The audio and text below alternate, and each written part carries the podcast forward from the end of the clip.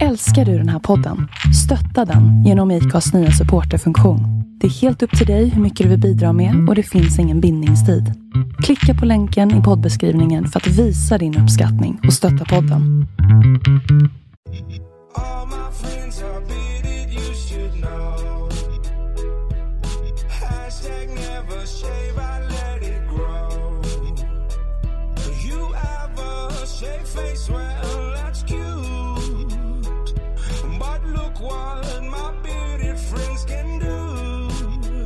What is the source?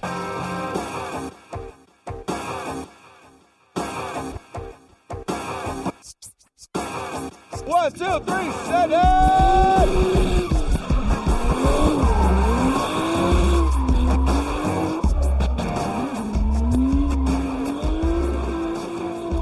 Hej och välkomna till ett nytt avsnitt av Driftpodden. Idag ska vi prata bedömning och Eh, med stort fokus på Swedish Drift Series 2022 och eh, den vi ska samtala med är huvudbedömaren Alexander Kvist.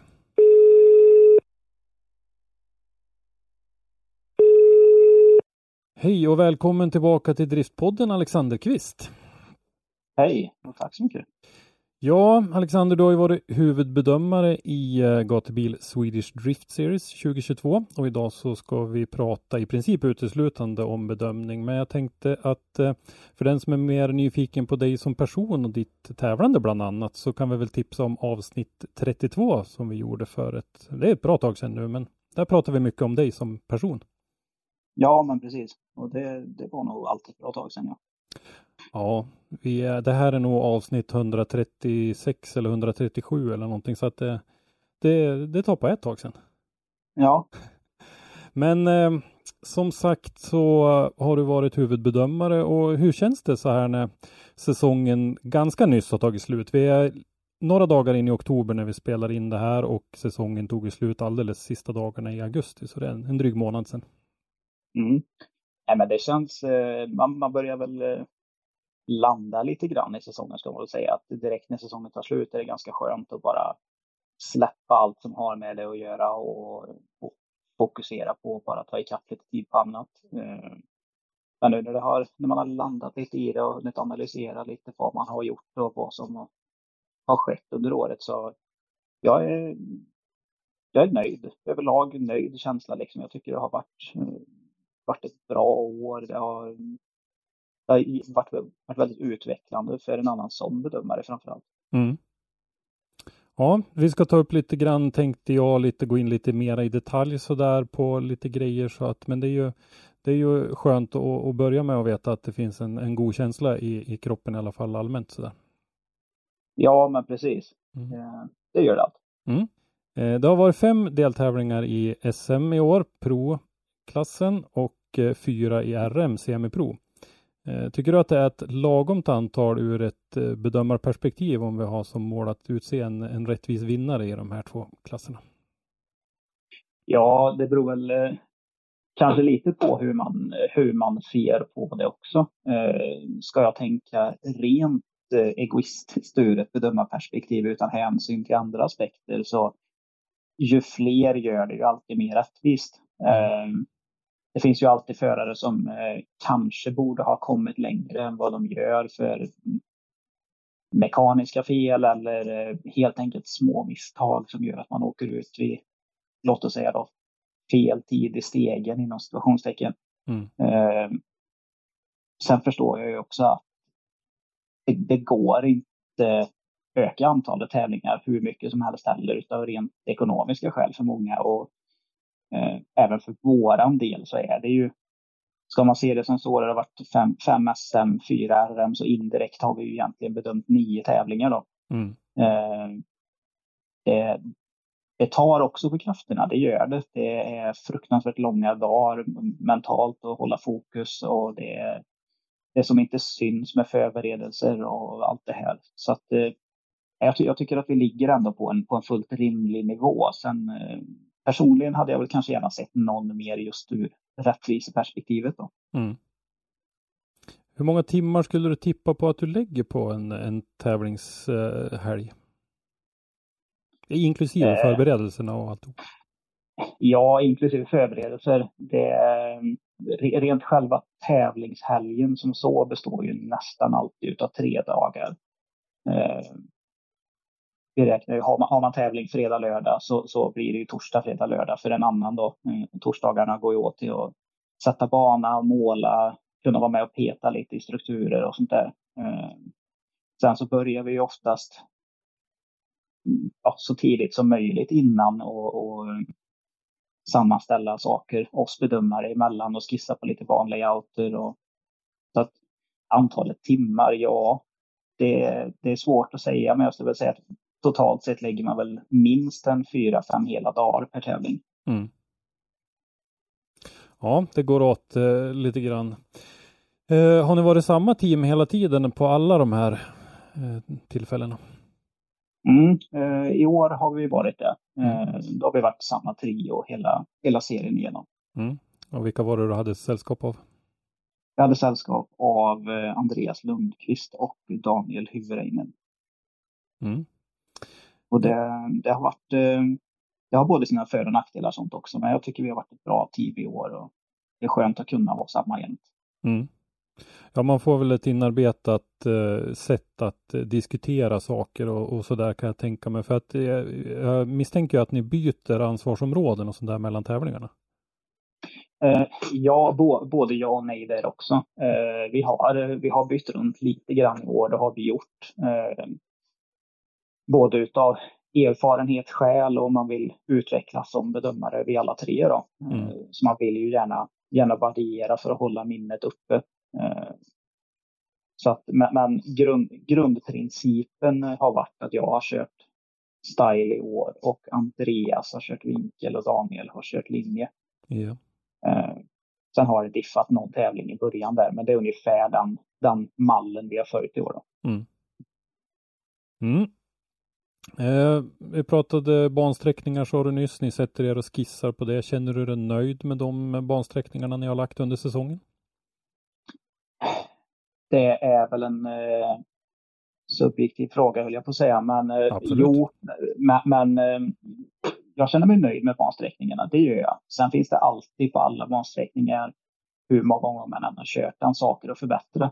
Mm. Eh, men under förutsättningarna vi har haft så då skulle jag säga att vi är nöjda med den. Eh, den som så här med facit i hand blev minst bra, det, det var väl Karlstad. Eh, själva bansträckningen i sig ser jag egentligen inte bekymret med utan det, det var mer andra omständigheter som gjorde att bansträckningen inte riktigt funkade där. Eh, det var mycket murkörningar och mycket trasiga delar. Och, mm. Men som sagt, det, det, är, det är saker man lär sig utav. Vi tog ju med oss, tog ju med oss just de åsikterna inför finalen i Östersund och, och den skulle jag väl egentligen säga är den bansträckningen som, som vi alla tre känner att vi är mest nöjda med. Mm. Eh, sen självklart, det blev, ett, det blev ett bekymmer på kvällen med däckröken och att vinden praktiskt taget pressade ner röken emot banan. Det var jättekonstigt. Jag, vi sa det allihopa, vi har aldrig riktigt varit med om att det hänger kvar så på det sättet. Nej, och speciellt uh, inte i det där blåshålet. Jag är ju uppvuxen i Ånge som ligger bara 10 mil från Östersund, så jag har ju varit där en del och jag gjorde lumpen där och så där och det blåser ju jämt i Östersund. Ja, Men och det upplevde, det upplevde vi med. Vi var ju uppe redan ifrån, eh, ifrån tisdagen den veckan och började med banan, för vi kände att vi ville verkligen, verkligen kunna lägga 100% fokus på att få en riktigt bra finalbana. Mm. Eh, vi såg ju aldrig några problem med bansträckningen vare sig under träning eller när den testades eller någonting, utan det var när vi klev in i topp 16 så fullkomligt upphörde all form av vind och då blev det ett problem. Mm. Så att eh, med vad jag har hört från förarna själva så, så har ju förarna varit extremt nöjda med just den bansträckningen som så också. De har tyckt, tyckt den varit väldigt rolig att köra och utmanande på rätt sätt. Eh, så att den, den vill jag nog ändå fortfarande stå fast vid att vi är mest nöjda med. Mm. Eh, Intressant. Eh, du sa att ni sätter er och skissar lite grann på det där och, och gör lite grann sånt i förväg. Eh, är det ni tre i bedömarteamet som, som skissar fram de grejerna eller är det du som huvudbedömare eller är ni flera? Är, är om vi säger promotorgänget med i den där diskussionen också? Eller? Ja, det, först och främst är det ju, är det ju eh, bedömartrion då vi brukar börja med ett relativt blankt blad och sen så bollar man lite på vad man tror kan funka. Man kikar lite på ytor, hur stort är det, vad har vi för meter på olika radier på kurvor och områden. Då. Eh, så får man helt enkelt lägga en, en bana utifrån, utifrån det som funkar. Eh, nu, nu tänker jag ju främst på de här tillfälliga banorna där det inte finns mm. en naturlig bansträckning. Då. Ja. Eh, sen så tar vi ju in lite liksom åsikter externt ifrån på det. Eh, från folk som vi vet har erfarenhet körmässigt och allting. Eh, och kunna få en åsikt på vad, vad, vad de tycker och vad de ser spontant med, med en banlayout. Mm.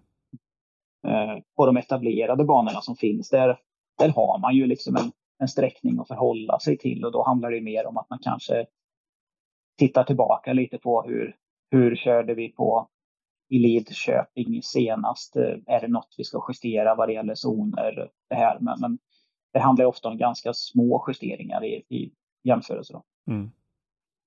Ja, förutom på Mantorp då, där det ju tillkom den här lilla twisten där som, som var planerad då, som ju eh, inte blev av sen. Eh, och där var det ju lite diskussioner i förarled och spotterled om, om eh, det där att det inte var i princip att det inte var möjligt att köra den där. Jag vet att det var några förare som talade emot det och så där. Vad, vad känner du när det gäller sådana diskussioner och det blir en ändring under pågående tävling? Hur, hur påverkar det tycker du?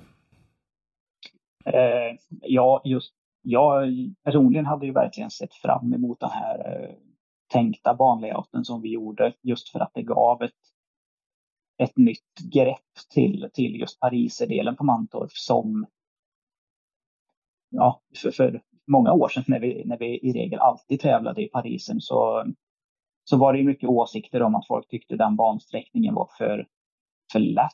Den var för, um, för enkel i form av att du egentligen bara har två överläggningar och sen är du i mål. Då. Så vi mm. kände väl att vi, vi vill lägga till ett element i det så att det inte så att du inte gynnas på samma sätt om du är en hemmaförare eller har, har mött eller en himla massa varv. Då.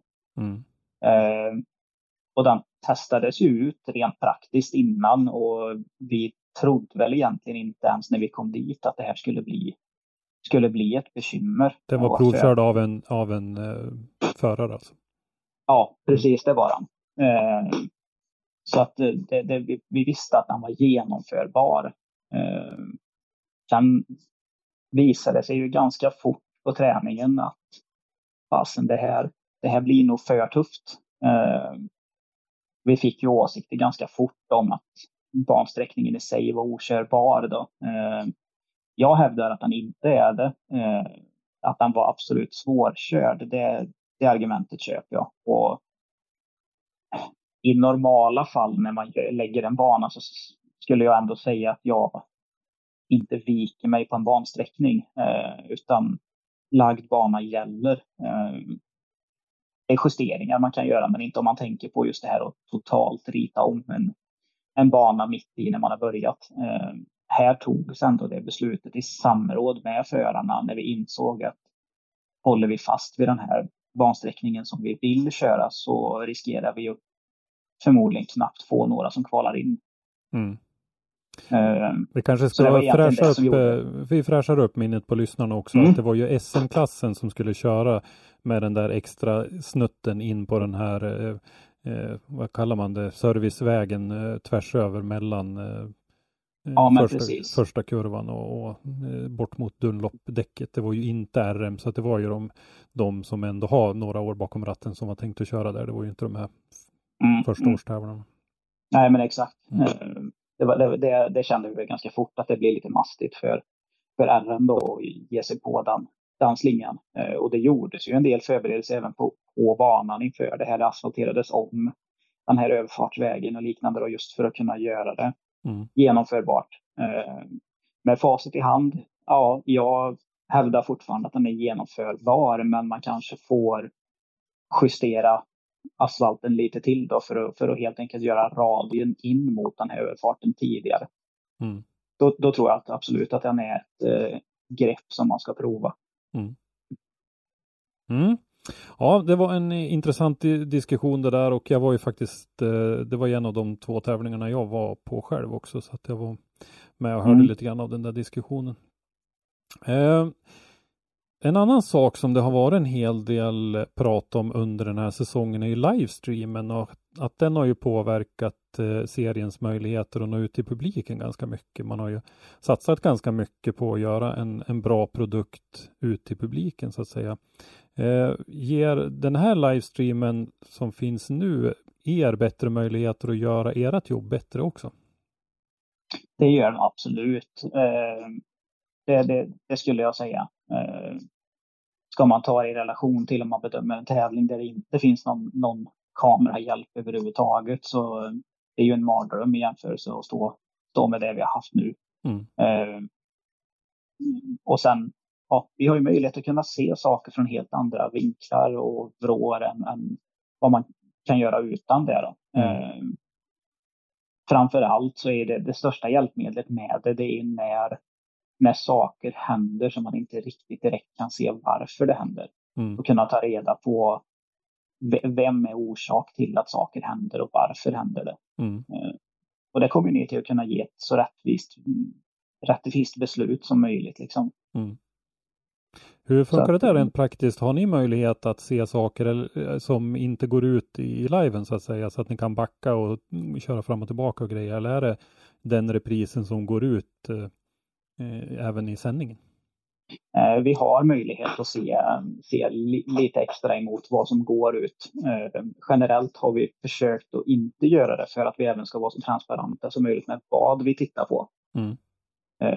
Det är ju även, även för de som tittar på livestreamen skull att de även ska kunna se vad det är vi letar efter. Om vi vill se en viss sekvens på en bana flera gånger så kan det vara bra att förmedla ut det i livestreamen också. Att de även Mm. ser att vi tittar på det här. För det, det tror jag ökar folks förståelse lite för att förstå vad det är de letar efter. Mm. Eh, en sak som också har pratats en del om är ju det här med att få eh, kommentarer ifrån er eller från dig då i första hand i livestreamen. Mm. Och eh, när vi pratade med promotorgänget då så var ju ett av problemen som man såg med det här var ju det här med tidsaspekten. Att det tar tid. Eh, som jag fattade nu så har det väl inte funnits några nå tekniska möjligheter till det som det under den här gångna säsongen. Stämmer det?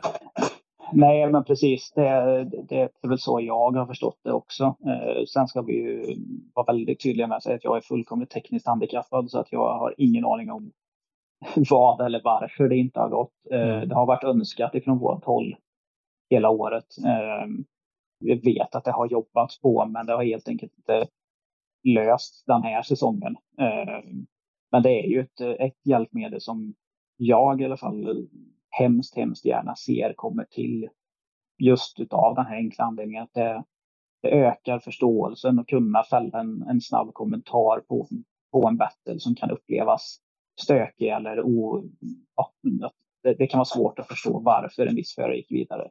Mm. Kan man då snabbt flika in med en kommentar att nej men vi anser att det är det här som har orsakat det och därför blev det så. Då man tar död väldigt fort på mycket spekulationer och teorier om varför saker händer. Mm. Eh, vi testade ju det lite mer skarpt nu på gatubilfinalen på den gatubil drift battle tävlingen där uppe. Eh, att jag kunde hoppa in hos speaker Dennis och förklara lite snabbt mellan då utan att det skulle stjäla någon direkt tid. Eh, och det var väldigt uppskattat från, från de som var på plats där. eh, Mm. Just för att få den förståelsen. Mm. Ja, och tittar man på, ska kalla era stora syskon då, eh, både Drift Masters och Formula Drift, så, så är det ju väldigt vanligt med att Mm. eh, huvudbedömaren går in och förklarar saker och jag tycker att det ger väldigt ofta saker därför att en sak som vi i publiken då i den allra flesta fall inte får veta det är ju vad ni säger på förarmötena.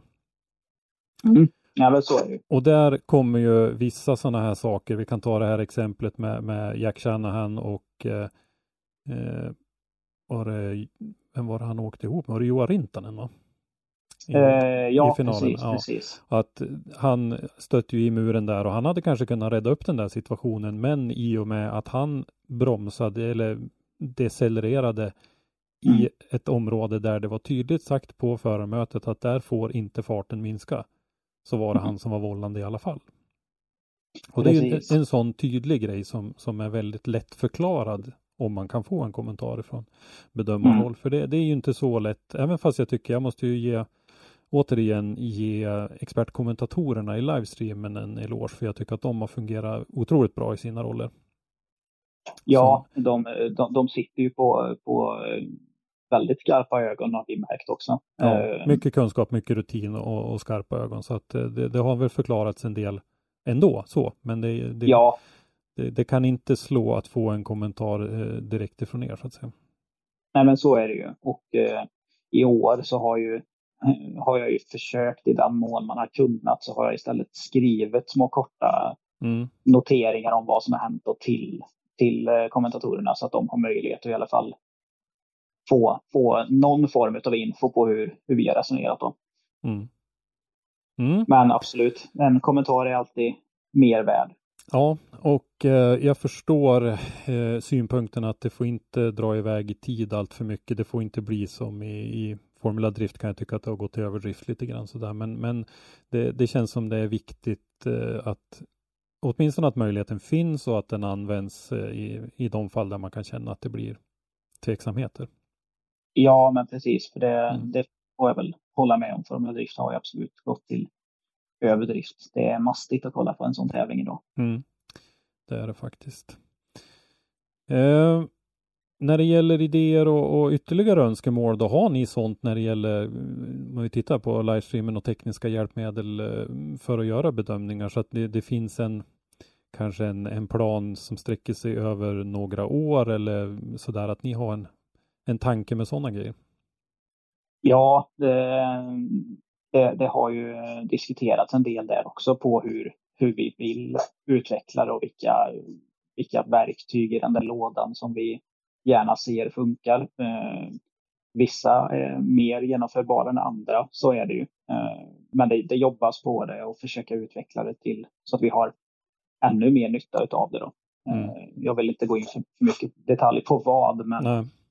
Men förbättringar sker ju alltid löpande, så är det ju. Ja, vi pratade ju lite grann med Marcus Stenmark om det där och han sa ju att det fanns en, en hel eh, påse med idéer om, om eh, allt möjligt, men det är ju hela tiden att göra den här avvägningen vad det får kosta och, och vad man får ut av det. Ja, men precis så är det ju. Eh, Det, det finns ju alltid en begränsning i saker. Mm. Det är intressant i alla fall och som sagt så har ju den här eh, livestreamen har ju tagit eh, jättestora kliv sedan eh, vi började med den. Jag, jag var ju med lite grann där när vi körde de här första åren och de, eh, det, det har tagits stora steg i, i professionalismen sedan dess. Ja, det, det är väl som driftingen i stort skulle jag säga. Alltså, Mm. eh, nu vill jag väl gärna inte säga att jag är gammal i gamet, men jag börjar bli gammal i gamet. Mm. Eh, Det har ju driftingen i stort i Sverige har ju tagit sådana vansinniga kliv framåt under de senaste tio åren. Så att det, det finns ju en, fortfarande en brant kurva att utveckla det vidare också. Ja, det gör det.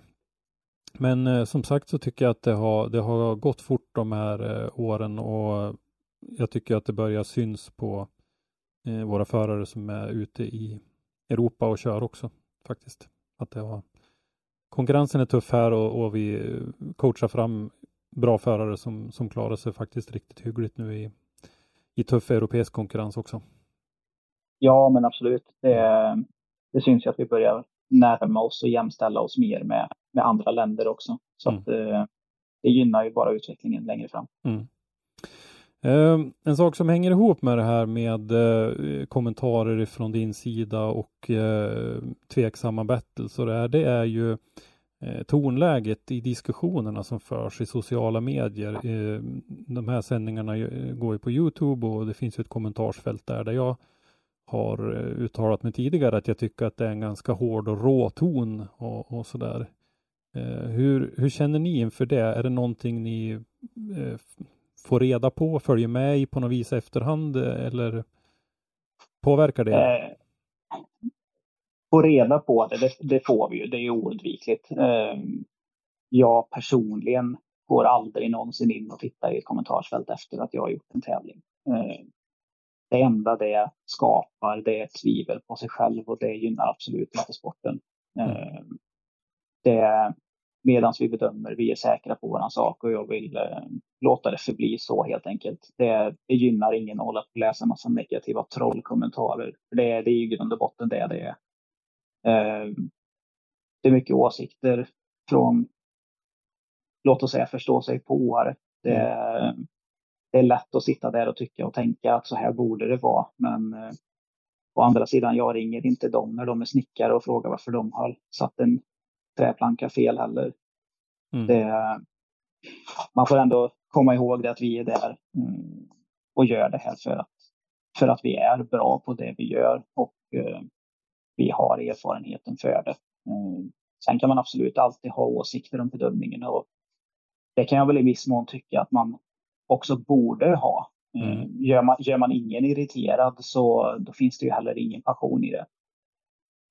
Så är det. det. Det jag reagerar lite grann på är ju liksom inte, inte diskussionen om sakfrågorna utan det är den här råa tonen som, som jag tycker är lite tråkig. Att det kommer diskussioner om, om händelser och när man har fans till olika förare som kanske mm. håller med eller inte håller med varandra och så vidare. Det, det tycker jag hör till och, och, som sagt det kan det har med passion och, och, och intresse att göra mycket så. Men att, att tonläget är så rått och speciellt mot det känns som att det blir ganska personligt. Ja, eh, det, det, det är nog väldigt lätt att se det så. Eh, jag själv har väl enormt lätt att kanske slå det ifrån mig som personlig kritik för att i, i grund och botten så är det ju det, det är de här bittra kommentarerna och rent av hatiska kommentarerna kommer om. Det är ju, det är ju min roll som bedömare. Det är ju inte, det är inte min roll som, som den jag är annars. Mm det, det är lite så man, man måste liksom komma till det mindsetet att det får inte krypa in under huden på en. Mm. Sen ja, det är klart att det är klart att det, i det långa så gör det det. Uh, det, det är väldigt uh, hetsk ton mot bedömning överlag, inte bara mot oss utan även internationellt sett. Mm, det, det, finns ju exempel på bedömare som har hoppat av mitt i en säsong för att de har fått rena, rena mordhot mot sig. Så det, jag, jag har lite svårt att se även från fansens sida vad den typen av kommentarer ska gynna oavsett om man tycker det eller inte. Mm. Det, det, det, är lätt att beräka ur sig för mycket på internet, så, mm. så enkelt är det. Jo men absolut och jag har ju sagt vid något tidigare tillfälle att, tillfälle att uh, lite ödmjukhet kan vara ganska klädsamt uh, också. Ja, man, man kommer långt med det i alla fall. Ja. Eh, jag som ju som sagt har följt de här tävlingarna i och med att jag eh, var med i, i livestream-produktionen under ett par säsonger och jag intervjuade ju dig massor med gånger för då hade vi ju ofta den tillgången till dig så att vi kunde få en, en, en kommentar på bedömningar och sånt där så känner jag att eh, jag har ju inte alls samma koll nu när jag sitter och tittar på, på livestreamen och sådär men där man skulle kunna komma ifrån en del av det här är ju ändå som sagt att man kanske lite tydligare med vad som har sagts på förarmötet, alltså vad som mm. specifikt gäller för just den här tävlingen och speciella saker att tänka på.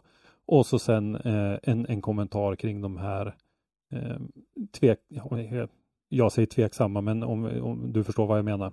Ja, ja, ja. Domslutena där eh, som man kan uppenbart se att, att i, eh, de som tittar på livestreamen inte förstår riktigt så kan man, då har man åtminstone slagit undan en del av, av eh, eller tagit bort en del av det som de här slår rot i. Ja, men så är det ju absolut. Eh, det, det, det tror jag skulle sänka tonläget ganska, ganska drastiskt. Eh, sen får man väl även, om man ska ta det i försvar, så, så det är ju en försvinnande liten klick till Mm. antalet personer som håller på med det här beteendet. Eh, det, det är det ju och, Mm. och ge- generellt så är det ju så överhuvudtaget att det är mycket lättare och, och för folk att komma med negativt än positivt. Så att de som är tysta, de får man ju utgå ifrån tycker att det är bra istället. Mm. Men eh, ja, självklart skulle det, det skulle underlätta för det. Mm. Det, det gör det. Ja, men jag tycker som sagt att eh, livestreamen under den här gångna säsongen har varit en väldigt bra produkt och att det här är kanske sådana här små detaljer som går att fila på som skulle kunna få den att, att lyfta ytterligare lite grann. Ja, nej, men det håller jag med om. Mm. Ja, eh, då har vi pratat igenom lite grann i, i serien här. Eh, är, det, är det någonting mer som du så att säga vill, vill eh, ta upp om, om säsongen som gått i, just i, i serien? Och de? Eh, Nja, jag, jag vet faktiskt egentligen inte riktigt så på rak arm. Det, det finns ju alltid saker man kan nörda i sig som, som kan vara bra att lyfta som så. Eh, Jag tänker enskilda bedömningar och sånt där är det ju ingen idé att prata om så här långt efteråt när vi inte kan, vi kan inte titta på dem eller någonting så där så att det, det känner jag väl är ganska liten idé eller vad, eller vad säger du om det? nej, nej, men precis. Det, så, så är det ju. Det, det är bara dumt att spekulera i sånt som har hänt för flera månader sedan. Det, det, det skapar bara funderingar och diskussioner också. Eh, generellt så jag skulle ändå säga att vi tre bedömare har varit nöjda med året. Det vi, det vi har saknat lite grann ur, ur förarnas perspektiv, det, det, det är att få frågor under tävlingarnas gång. Det, det är någonting jag saknar. Det känns som att vi använder ju mycket, eller vi använder spotters hjälp på alla tävlingar. Vi avsätter liksom tid där spotters kan komma och få sina träningsrunder mer eller mindre bedömda och få inputs på vad vi tycker att man gör bra och dåligt och vad man ska ändra på för att, för att helt enkelt göra bättre ifrån sig. Mm. Eh, det är ett verktyg som används skrämmande lite, skulle jag säga. Mm. Vi, eh, sista tävlingen så kortade vi till och med ner den tiden för att det var ändå, det var ändå nästan aldrig någon som kom och frågade. Så att det fanns liksom ingen större anledning att vi stod där när ändå ingen ville prata med oss. Mm. Eh, vilket jag tycker är lite konstigt för att å andra sidan så kommer det åsikter efter en tävling om att de tycker inte att de ibland kanske har fått reda på vad det är vi vill se. Eh, Mm. Ja, ja det, det låter väl kanske lite elakt att säga, men har man inte utnyttjat hjälpmedlen så då är det svårt att göra så bra ifrån sig som vi förväntar oss. Ja, och det där kan jag väl känna att jag blir lite förvånad av att höra för den där spottershjälpen har ju ändå funnits under ett antal säsonger nu. Så att den, den borde ha satt sig kan jag tycka. Ja, och det, det har den hos, eh, hos vissa, skulle jag säga. Eh, inför en spottershjälp, oavsett om det har varit RM eller SM, så vi, vi vet vilka som kommer komma och fråga. Eh, för att vi- vissa konsekvent gör det varenda tävling, även om de egentligen vet att de inte har något att förbättra så kommer de att fråga ändå, för det kan vara någonting som de själva kanske inte riktigt tänker på. Det Mm. kan vara sådana här små saker som att vi ser att, ja, men, att vi ser att någon drar handbroms på initiering eller eh, du dieselar kanske lite på fel ställe som, som en spotter själv har missat. Eh, får man inte den feedbacken så är det svårt att göra någonting åt det också. Mm. Eh, så det förvånar mig absolut att inte fler har använt det verktyget. Mm. Ja, Det gäller egentligen även under gäller även under förarmöten. Det, det är förvånansvärt få frågor om vad, vad det är vi vill få ut av en tävling. mm. Så det är väl den, eh, det jag kanske hoppas på blir bättre framöver ifrån, ifrån förarna och teamens perspektiv. Det, det, hjäl, det hjälper även oss att kunna känna mer självförtroende i det man gör. eh, Just för att man vet att informationen har nått fram. Man Mm. behöver inte fundera på varför vissa gör konstiga saker. För att man har ändå haft möjligheten att förklara det för dem. Ja, Nej men och en, en, en fråga sådär kan ju vara lika mycket ett kvitto på att personen har förstått som att det är en dum fråga. Så att säga. Absolut, Mm. så är det. Ja, intressant. Eh, jag tänkte vi skulle prata lite eh, internationellt också, hur det ser ut. Eh, har ni något samarbete över gränserna bedömare emellan, mellan olika serier och olika nationaliteter och sådär? Eh, Jag skulle väl säga alltså re, rent samarbete, att man eh, jobbar ihop på tävlingar och så, det tog ju de senaste åren lite grann död på. Eh, Mm. på, på grund av svårigheter som fanns. Tidigare så, ehm, så var det ju mer aktivt på den fronten att man hade gästbedömare internationella och man kunde då på ett enkelt sätt sam, samspela sig lite mer även utanför just den tävlingen. Då. Eh, sen har vi ju absolut kontakt internationellt emellan. Man pratar med, med de namnen man, man har runt omkring sig. Liksom, och man kan lyfta lite idéer och funderingar och det kan vara scenarion som har dykt upp som man vill lyfta med någon bara för att få ett annat perspektiv på det. Och, Mm. eh, sen rent, ska man titta rent, eh, vi kallar det regelmässigt, så det, det är ju egentligen nu först sista året skulle jag säga som det överhuvudtaget finns någon form av kallade bedömningsreglement. Jag avskyr det ordet egentligen, men Mm. eh, FIA har ju kommit med ett, med ett grundläggande och det, det är ju väldigt, väldigt, väldigt grundläggande eh, bedömningsregelverk då, just för att man vill inte låsa upp sig för mycket med förstyrda regler heller. Mm. Eh, men i grund och botten så har man ju ändå en, en likvärdig syn på bedömningen oavsett om man kör här eller om man kör i DMEC eller Formula Drift eller vart du nu vänder dig. Det, det, jag skulle nästan säga att det är nog i stort sett bara möjligtvis Japan som så här skiljer sig lite. Mm. Eh, Så att grundstommen i det är ju ändå relativt samspelt. Sen har man lite olika upplägg på poängfördelning och, och den biten då. Eh, Formula Drift har ju testat lite olika med det här med X-faktor och olika sätt att, att bryta ner poängerna på då. Mm. Eh, Men även om man kallar det för olika saker så, så stommen i det är ändå någonstans lutad mot samma sak.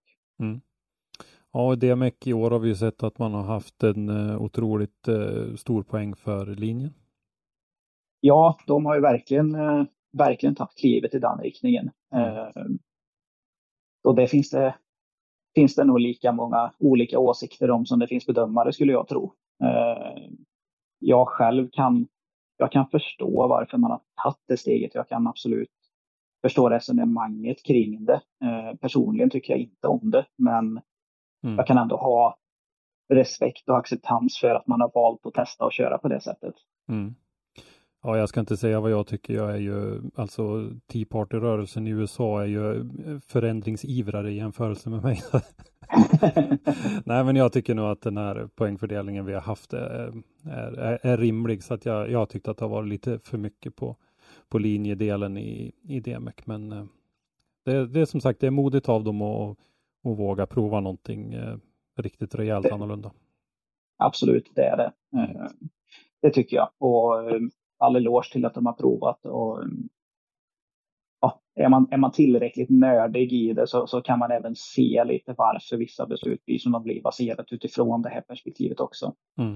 Eh, För min egen del så tycker jag att man tar bort lite för mycket främst från style-sidan i det. Det, det är ändå Ska man gå back to basics i det så stilen är ju ändå någonstans det mest grundläggande vi har bortsett från linje. Mm. Så att eh, nej, jag, som sagt, jag förstår varför. Jag håller inte med dem, men det var, det var intressant. Eh, hur väl synkad tycker du att du var inne lite grann på det, men hur väl synkad tycker du att, att bedömningen är i, i olika serier och vilka serier följer du själv? Eh, jag själv följer väl eh, främst eh, DMEC och Formula Drift. Eh, försöker i mån att följa Formula Drift Japan och även D1 Japan då. Mm. Eh, sen enstaka tävlingar kan man ju kika lite på eh, BDC. Jag har kollat lite på norska serien, eh, även finska, just för att samla lite. Man försöker liksom utläsa hur hur andra bedömare tänker och, och om man har samma synsätt på saker eller inte då för, att, för att hålla det relativt samspelt. Och det är, det är ju ett steg i att kunna förbereda våra förare för att, för att gå internationellt när den dagen kommer. Att det ska inte vara en helt ny värld som möter dem utan det, ska ändå finnas likheter i hur man resonerar och, och varför vissa saker blir som de blir och så vidare. Mm.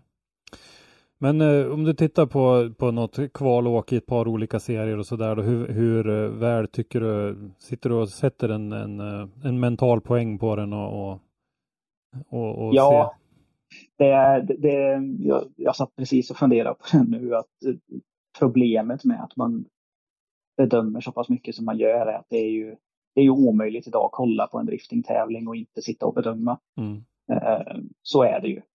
Man, man gör ju det omedvetet för att se lite grann hur, hur nära, eh, hur lika hamnar man på till exempel en, en linjepoäng eller en vinkelpoäng eller någonting då. Mm. Eh, för, att, för att se lite, liksom resonerar man utifrån det är det ganska lätt att läsa av om man resonerar på samma sätt eller inte. Mm. Eh, och utifrån det, både jag, jag och eh, Andreas Lundqvist som har varit bedömare i serien, vi har suttit otaliga tävlingar i, den här sommaren i telefonsamtal och kollat samtidigt och liksom bollat bedömning och sådär. Mm. Det, jag skulle ändå säga i det stora hela så är det ganska samspelt. Man, man kan ändå utläsa det utifrån sina egna poäng och när man jämför med andra bedömares poäng. Liksom att man har man tittar ganska lika på, på misstag och, och både misstag och bra saker självklart. Mm. Så att eh, även om det inte finns liksom en utarbetad internationell diskussion på det sättet så, så, skulle jag nog ändå säga att alla vill dra åt samma håll. Ja. Eh, jag har ju en eh, bakgrund inom eh, och var eh, domare inom ishockey. Mm. Och eh, där så hade vi ju någonting som heter granskning emellanåt där det kom en, en sympatisk herre från Svenska ishockeyförbundet och satt på läktaren och tittade på vad vi gjorde. Både hur vi, hur vi såg ut och hur vi rörde oss och framförallt eh, hur vi bedömde olika situationer och sånt där. Finns det någon form av sånt i driftingvärlden? Eh, nej, det, det, det, gör det egentligen inte. Jag höll på att säga våran granskning, det är förarnas reaktioner efteråt. Mm. Eh, lite, lite så är det ju, men, men det finns ju ingen, eh, ingen vad ska man kalla det, eh, internationell organisation på det på det sättet så att man kan, eh, kan få den granskningen. Eh, Är det någonting du tror vet- skulle fylla en funktion? Både ja och nej skulle jag säga. Eh, jag, jag förstår syftet med det eh, och eh, som du själv nämner ishockey, där har du ju kanske ett väldigt mycket mer utarbetat regelverk på saker. Vad som är tillåtet, vad inte tillåtet, vad ger vad, vad är konsekvensen av vissa saker Mm. än vad vi har i driftingen. Eh, driftingen kommer ju fortfarande ner till att det finns ganska lite eh, strikta regler och då blir det samtidigt svårt att ha en granskning på det. Mm. Eh, så att jag, jag kan se nyttan med det, det, det kan jag göra. Sen om hur det praktiskt ska kunna genomföras, det, det får någon annan klura på tror jag. Mm. Ja, nej, det var en, en idé som dök upp här under, under samtalets gång bara. Mm. Att, eh, Nej men det är en intressant tanke, absolut. Många gånger så var det ju så att man fick ett kvitto på att det man gjorde var rätt, lika gärna som att man kunde få eh, kritik på ett antal punkter. Så, så kunde Mm. det vara ganska skönt att få reda på att man hade bedömt en, en besvärlig situation på ett bra sätt också. Ja, men precis. Och Mm. ur, ur den synpunkten så hade det absolut kunnat vara ett hjälpmedel. Eh, indirekt så, så använder man ju lite det också. Eh, finns det scenarion som jag själv kanske sådär har grunnat lite på efter en tävling sådär att man, själv är, ja, hur man vill ha någon annans ögon på det. Då kan man ta ut den sekvensen ur en livestream, skicka till någon annan erfaren internationell bedömare och bara be dem liksom titta på det här. Mm. Kom en, kom en tanke. Hur hade du bedömt det? Hur? Så. Mm. Eh, och då, då kan man ju lite grann också få ett kvitto på att jo, men jag, jag hade rätt i det. Eller även om man tycker olika så kan man lyfta argumenten varför man tycker det. Eh, och det, det, är ofta någonting jag säger till både spotters och förare också. att Jag begär aldrig att någon ska hålla med mig i bedömningen. Eh, bara man kan komma till nivån att man är överens om att man inte är överens. Ja. Eh, det, det, det är ändå det vi grundar i någonstans. En bedömning är en bedömning. Det, det är inte ett fast regelverk. Eh, det har funnits liksom teorier och diskussioner som jag har haft bland med andra spotters och sådär också om varför man inte tar fram ett mer strikt bedömningsregelverk där man till exempel har då att en eh, dörrtropp alltid ger eh, fem poängs avdrag eller att eh, är man eh, en halv meter för grund i en zon så ger det en viss procentavdrag på en zon och sådär. Jag, jag kan förstå för den, nu låter jag väl generaliserande, men för den oinvigde att det hade varit önskvärt. Men i mitt tycke så är det verkligen drifting vi håller på med då. Mm. Uh, ja. det, det, jag tror inte att det är det. Jag tror att man tar död lite grann på det då. Ja, det kan man göra. Jag vill eh, påminna igen om avsnitt 32. för de som inte har lyssnat på det. För där pratar vi ju väldigt mycket om det här med, med eh, lifestylen och allt det här med, med stilen och det här. Att det är du som bedömer stilen är ju ingen slump. Du är ju en, en, en driftare som kommer därifrån och, och, och tycker att det där är jätteviktigt. Och, och då förstår jag din synpunkt att en, eh, en, en wobblig halvmeter in i en zon, eh, grunt in i en zon eller en med en väldigt, eh, ja du förstår lite vad jag är ute efter. Mm. Att det kan vara olika och att halvmetern är inte det som är avgörande enbart. Utan det... Nej men precis så är det ju och jag tror att eh, av de både spotters och, och, fans som har haffat mig och, och liksom diskuterat lite mer djupgående om, om bedömningen och hur mitt synsätt på det. De, de får ganska fort en helt annan förståelse för hur i vart fall jag resonerar kring bedömningen och vad det grundar sig i. Uh, det, det gör ganska mycket för förståelsen för varför man ser på saker på vissa sätt. Och det, här. Och det är mm. mycket som du säger också, att saker och ting är inte är aldrig svart eller vitt i bedömning. Och det är det som blir svårigheten med om man skulle ha ett ett fast bedömningsregelverk att helt plötsligt så är det svart eller vitt. Mm. Ja, här känner jag att det finns en liten potential till att utbilda publiken och allmänheten eh. fortsätta med lite av de här instruktionsvideos eh, som gjordes inför, jag vet inte om det kom några den här säsongen, gjorde det? Nej, det gjorde inte det. Eh, det, det gjordes inför förra säsongen. Mm. Eh, Där tyckte jag vi tog några stora steg framåt eh, i, i just ja, den här biten. absolut. Jag kan inte riktigt svara på vad det kommer sig att det inte blev några i år, men, eh, men absolut. Det, jag tror att man ska fortsätta med det också och, och bryta ner bedömningen i olika sekvenser istället. Det, det gör det lättare för, för fans och även för team och förare att kunna förstå saker på ett annat mm, sätt. Mm. Precis. Eh, nu eh, har du ju samarbetat med eh, Gatubil då som promotor för eh, SM-serien, SMRM-serien det här gångna året och nu så vet vi ju om då att det gänget kommer att gå vidare och arrangera en skandinavisk serie. Jag skulle vilja kalla det för nordisk serie som den petimeter jag är eftersom finländarna är med. Men för, för säsongen 2023 då. Vet du redan nu om du kommer att vara en del av den resan med den serien eller? Eh, rent krast så, så är egentligen ingenting helt spikat än. Eh, högst sannolikt kommer jag vara en del av den resan, ja. Okej. Okay. Mm. Eh, det pratas ju lite grann då om eh, förare från eh, ja, de nordiska länderna, då, Finland, Norge, Danmark och eh, Sverige då, givetvis. Eh, pratas det någonting om hur, hur bedömarsammansättningen kommer att vara där? Kommer det att vara eh, bedömare från olika länder också eller är det eller är det vi som, som eh, står som eh, arrangörer eller promotorer som, som kommer att, att stå för den biten? Nej, jag, jag, känner mig ganska säker på att det kommer nog bli en blandning eh, till viss del eh, ifrån olika länder. Eh, sen tittar vi på att försöka hålla kvar i det här med att låsa att man har samma bedömare på, på alla tävlingar. Då. Mm. Men hur exakt den här trion kommer se ut, det, det kan jag inte svara på för det är faktiskt inte ens helt spikat än. Eh, men att det in, högst sannolikt kommer det inte bestå av tre svenska bedömare i alla fall. Ja. Eh, jag kastar in en idé här. Eh, Mm. Under stora, återigen gå tillbaka till min egen bakgrund inom hockeyn, så i alla större matcher så finns det ju alltid en extra huvuddomare tillgänglig.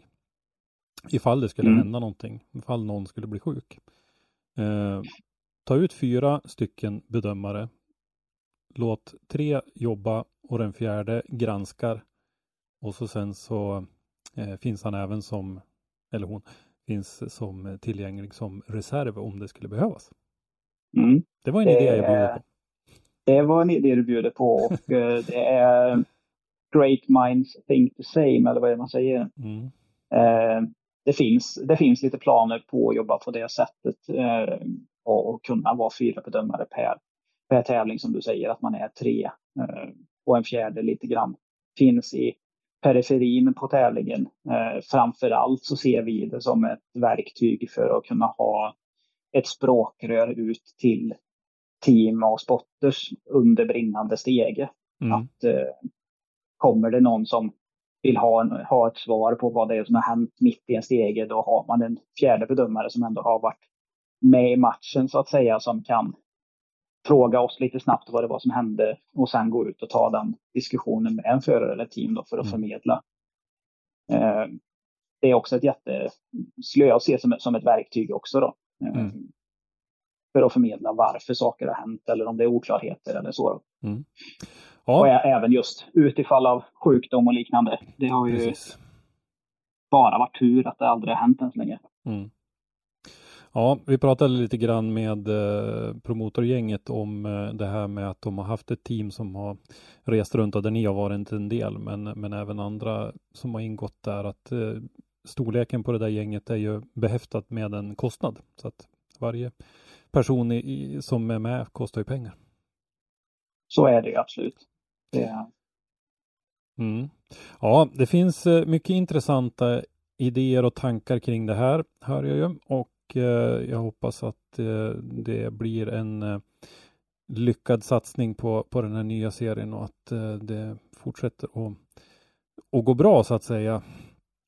Eh, apropå gå bra så tänkte jag att vi skulle prata lite grann om ditt deltagande på Gatubils höstfestival på Mantorp Park.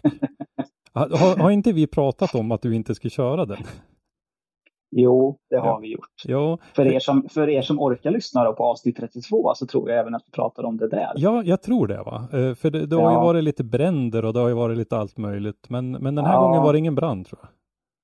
Nej, den här gången, eh, ja, tekniskt sett vart det en brand, men det vart eh, allt kan vi väl egentligen säga. Eh, jag vet inte om jag ska dra någon form av snabb recap på Ja, det, gör det. men Gör det.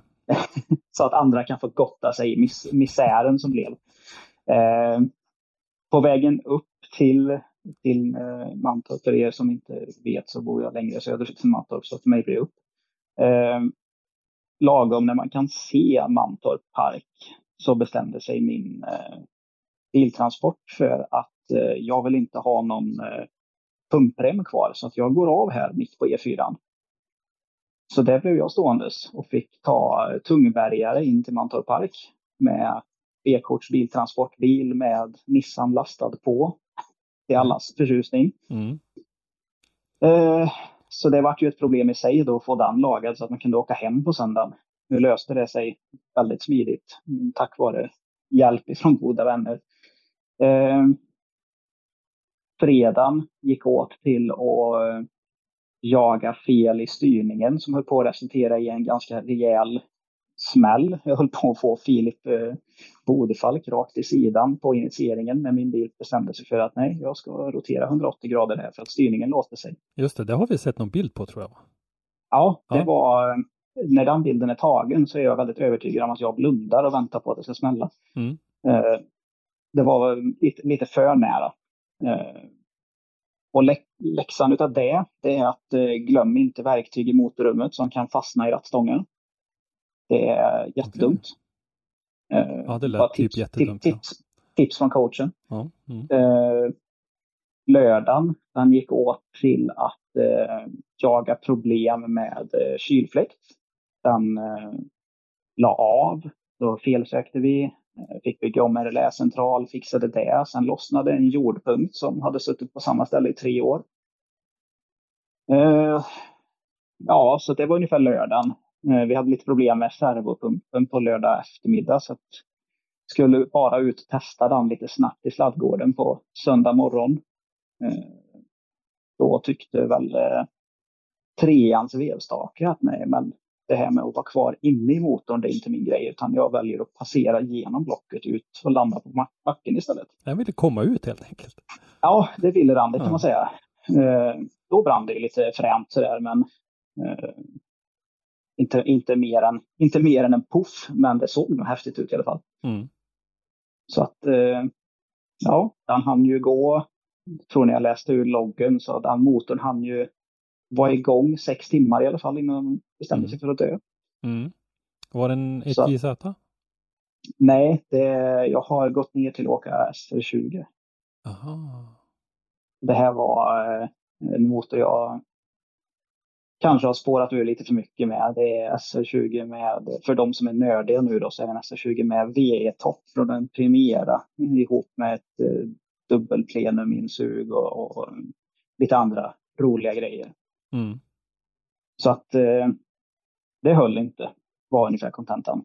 Mm. Eh, det, det är fränt när det varvar mycket, men tydligen höll det inte så bra. Nej. Så att eh, Ja, men Ja, vad det heter blir en lång vinter. Ja, men jag tänkte säga det. Då, då kan ju jag sova gott och veta det att du har ju någonting att göra i vinter i alla fall. Du behöver inte vara Järalös hela vintern. Nej, precis. Mm. Eh, så, så är det ju. Eh, För, det, för den Ja. risken hade varit ganska stor annars, eller? nej, Nej. det hade det nog inte varit. Det, det, det, det fanns andra planer med bilen som skulle ha gjorts i vinter. Jag är lite sugen på att bygga om karosseriet lite igen, men det får uppenbarligen vänta ett tag nu då. Mm. Så får det bli ett, ett försök till med SR20 här nu. Man vill ju inte, man vill ju inte vika sig heller efter Nej. första raset. Nej, jag skrattade lite grann åt, åt uh, oturen så där. Det är ju naturligtvis är det ju jättetråkigt, men eh, så är det ju. Eh, och som Nej, sagt, men det, sam, det, det sammanfattningen är väl att uh, Man, Mantorp Park är väl min nemesis. Det är väl ungefär det vi har konstaterat. Ja, det känns så. Det känns så. Ja, men du eh, Alexander, jag är jättenöjd med samtalet idag och det är alltid intressant att, att diskutera med dig och eh, jag hoppas att vi syns under kommande säsong och att vi kanske får ta något snack eh, då också ute på banorna. Absolut. Mm. Det hoppas jag med och det har varit eh, lika roligt som alltid att vara med och kunna skina lite ljus över bedömningen också. Just det, ja men då säger vi tack så länge och eh, på återhörande vid tillfälle. Tack! Glöm inte att eh, följa oss på Facebook och Instagram. Ni hittar oss under Motorsportmagasinet på båda ställena. Dagliga nyheter från motorsportvärlden hittar ni som vanligt på motorsportmagasinet.se där ni även kan handla t-shirts och en massa annat kul. Tack för att du har lyssnat. Lyssna gärna på våra tidigare avsnitt och glöm inte att ge oss betyg i din podcastapp. Har du ett ämne eller en gäst som du vill att vi tar med i Driftpodden så skicka oss ett meddelande på Driftpoddens eller Motorsportmagasinets sociala medier eller skicka ett mejl till oss på driftpodden gmail.com. I dagens avsnitt har du hört Alexander Kvist. Intervjuare var Christer Hägglund. Avsnittet är inspelat den 5 oktober 2022. Ljudpåläggning och slutmix Robban Strandberg. Driftpodden produceras i samarbete med Motorsportmagasinet och Powerslide Media AB och produktionsåret var 2022.